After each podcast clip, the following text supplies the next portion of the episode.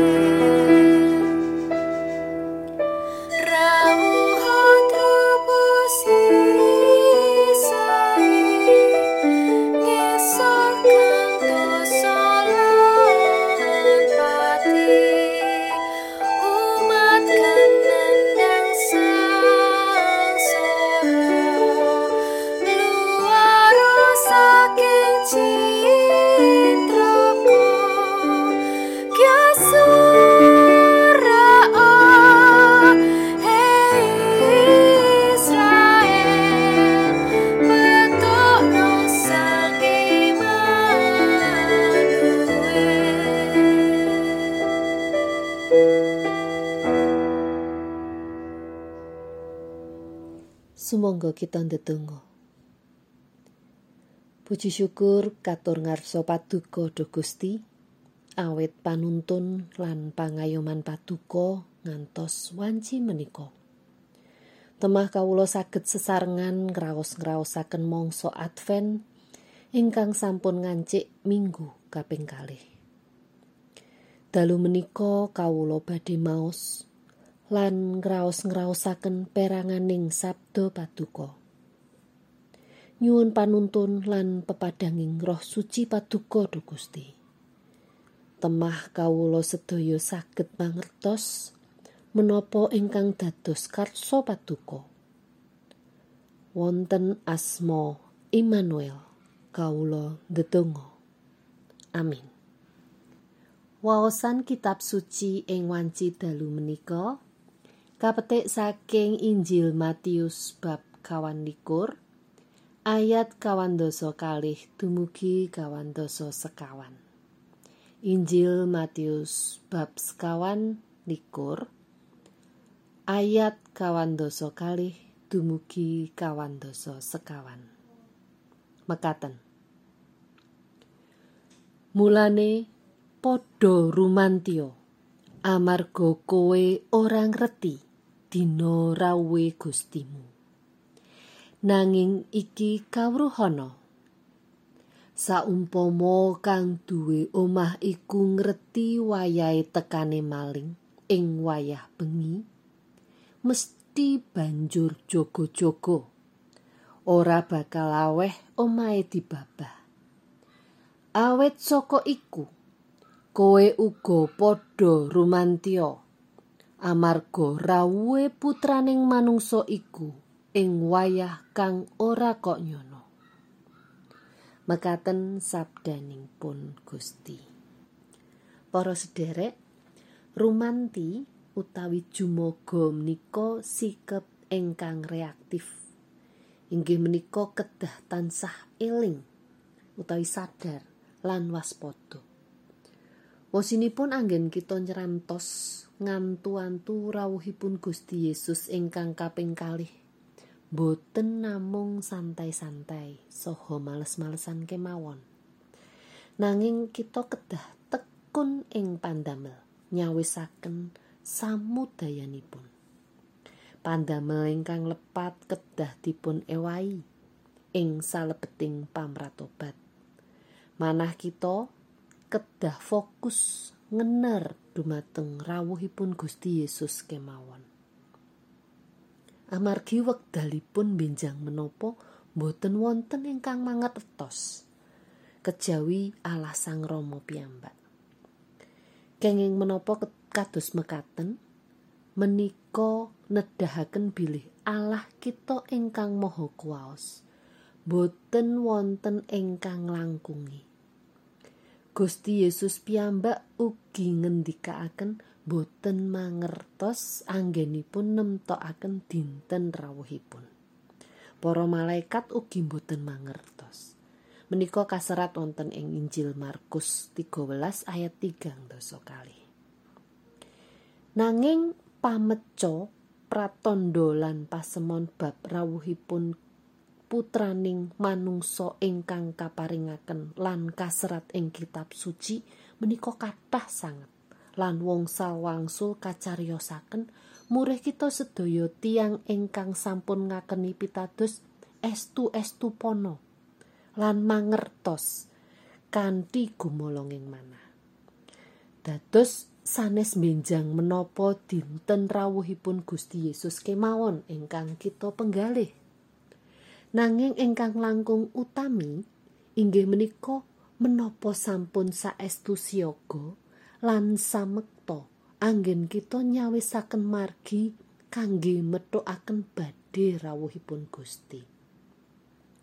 Pramila menika kados ingkang sampun kita wau sesarengan bilih kita kasuwun mulane padha rumantio. Amarga kowe ora ngerti dina rawuhe Gustimu. Nika ayat sekawan dosa kalih. Lajeng dipun ambali malih ing ayat kawandasa sekawan awit saka iku kowe uga padha rumantio amarga rawuhe putraning manungsa iku ing wayah kang ora kok nyono Bahasa Indonesia pun sebab itu hendaklah kamu juga siap sedia karena anak manusia datang pada saat yang tidak kamu duga. Poros derek, sayektosipun ing pagesangan kita saat dinten-dinten, kita inggih sampun gadai sikap romanti. Jogo jumogo ing saben pandamel. Umpaminipun ing waswasana pandemi menika, kita kedah jagi-jagi murih sampun ngatos ketaman virus corona menika.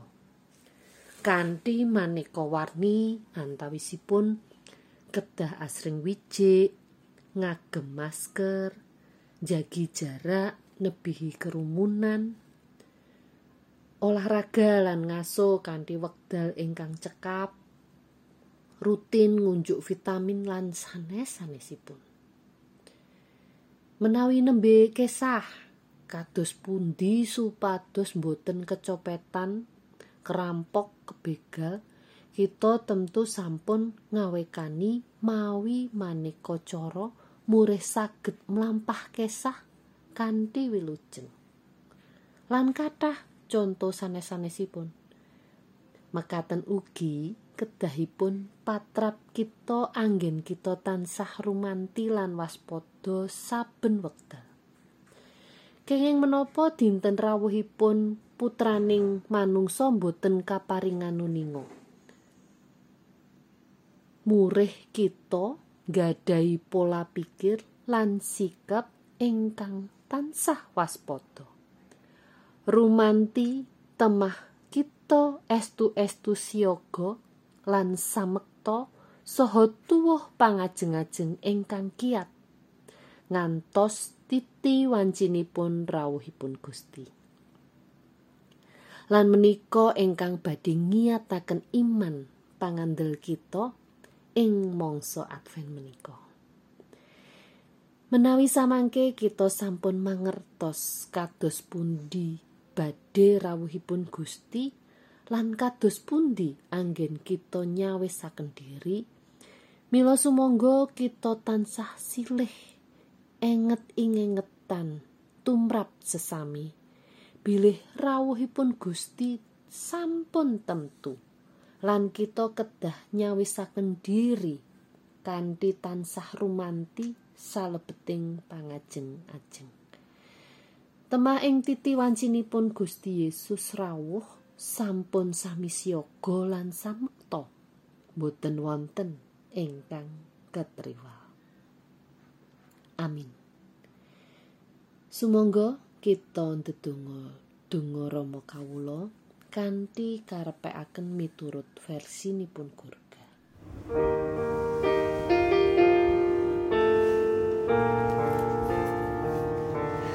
Rama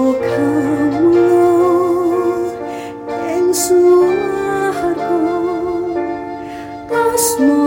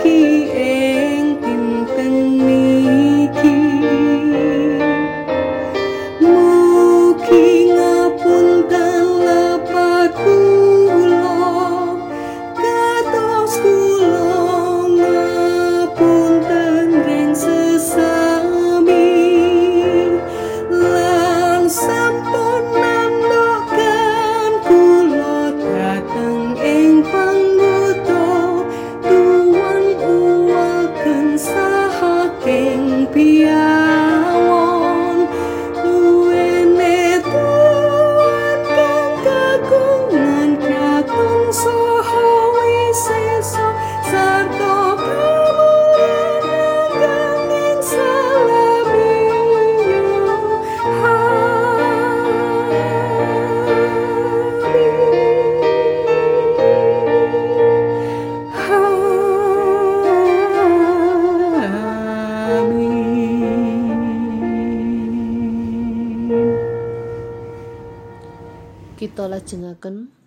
pandonga syafaat sumangga kawula dherekaken.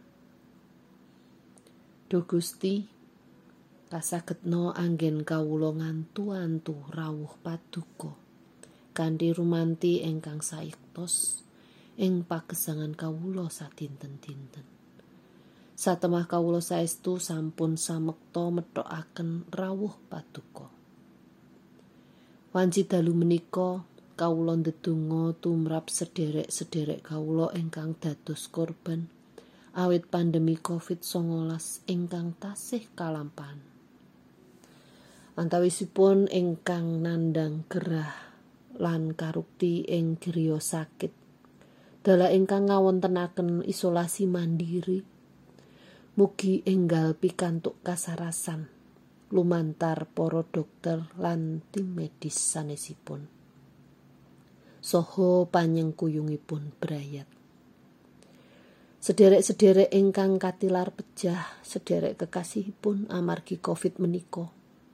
Mirunggan ingkang dados lare lolo. Soho sederek ingkang kantun gesang piyambakan ing mangsa kasepuhan. Gusti mugi paringono panglipuran, ketabahan lan kasantosan. Temah saged niti gesang salajengipun ing panuntun lan pangayoman paduka. Sederek-sederek ingkang kecalan padamelan lan ngantos priki dereng pikantuk penghasilan kangge nyekapi kabetahan pagesangan padintenan. Paringono pangluaran Duh Gusti mirunggan ingkang nandang kacingkrangan lan kasekengan. Lare-lare ingkang ngudi pawiyatan ingkang kalampahan kanthi daring lan wanci samangke sami nembe nglampahi ujian akhir semester. Gusti mugi paringono kasregepan. Murih anggenipun sinau saestu saged nguwaosi materi ingkang kaparingaken gurunipun. Temah sami saged jawab soal-soal ujian kanthi leres. Ugi ndongaaken para winasis saha Departemen Kesehatan dalah perusahaan farmasi ingkang kapiji produksi vaksin virus corona menika.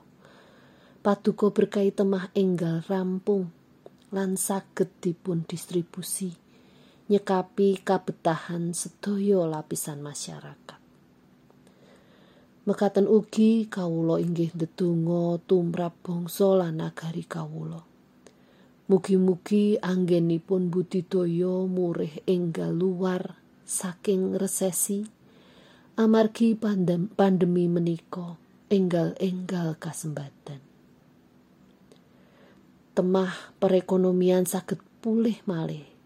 Anggenipun jejekaken keadilan lan kaleresan, berantas korupsi, jagi stabilitas keamanan. Mugi-mugi saged dipun tindakaken kanthi teges lan wicaksana.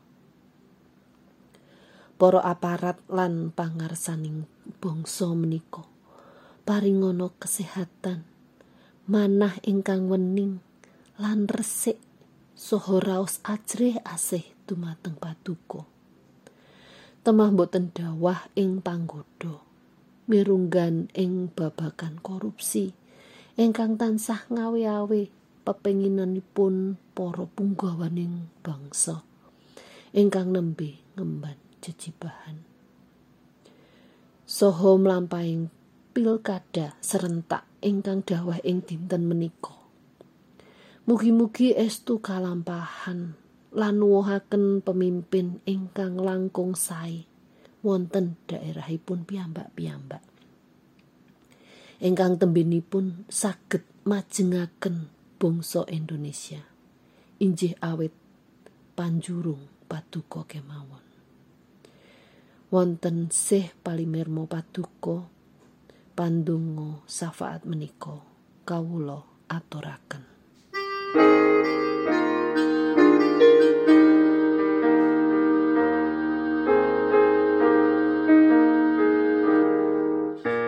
Stay.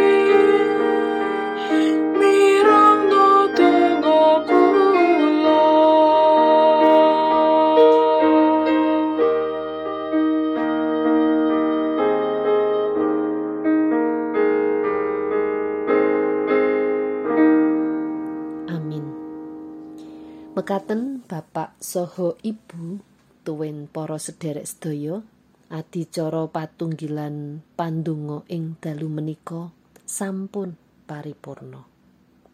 Ing wasana kawula ngaturaken sugeng ngaso sugeng sare kanthi lerem ngantos pinanggihan malih ing wekdal-wekdal salajengipun. Mugi tansah kinantiya ing Gusti. Matur nuwun